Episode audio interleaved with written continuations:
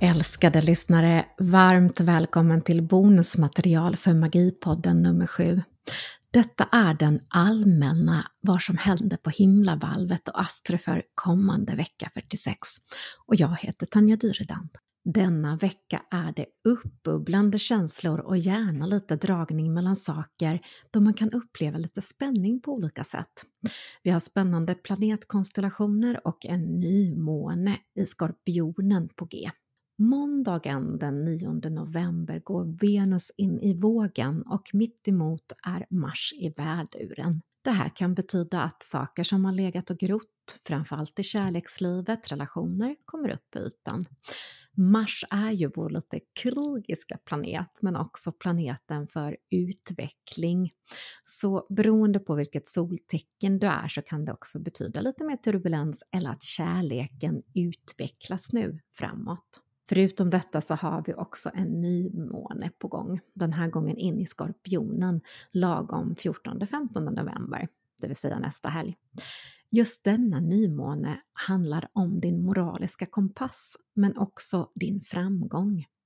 Elementet är vatten och månens härskare är Mars och Pluto. Nymåne betyder ju alltid nystart, så nya frön, new beginnings och förändringar. Så det är perfekt också att se över gamla programmeringar och vad vill du släppa taget om eller jobba med när det gäller ditt shadow work, det vill säga dina skuggsidor.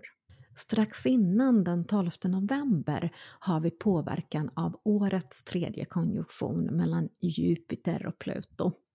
Jupiter, planeten för expansion men också om rätt och fel, vår sanningssägare, hamnar i spänningsläge och kraftkamp lite granna med Pluto, vår förvandling, det vill säga det vi också analyserar.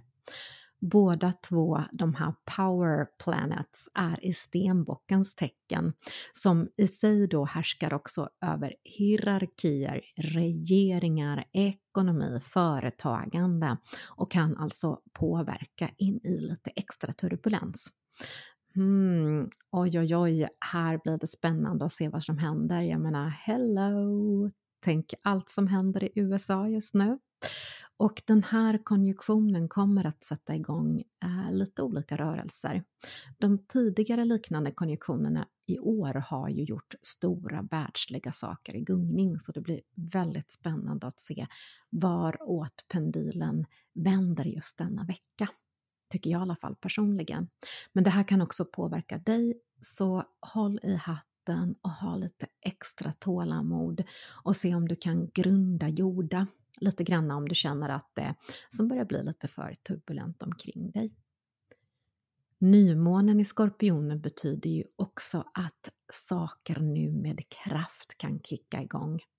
Framförallt om du har känt att det har varit lite segt eller mycket förseningar på grund av olika backande planeter. Vi har haft flera planeter i retro men också Merkurius.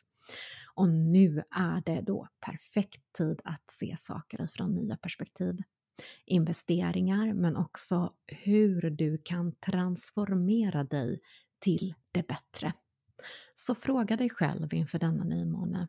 Var sätter jag min intention och min energi på? Vad vill jag sätta för små frön just nu i mitt liv? Och använd denna vecka, oavsett vilket solstjärntecken du är, att fokusera Bestäm vad du vill släppa taget om och vad du vill lägga din energi mer på.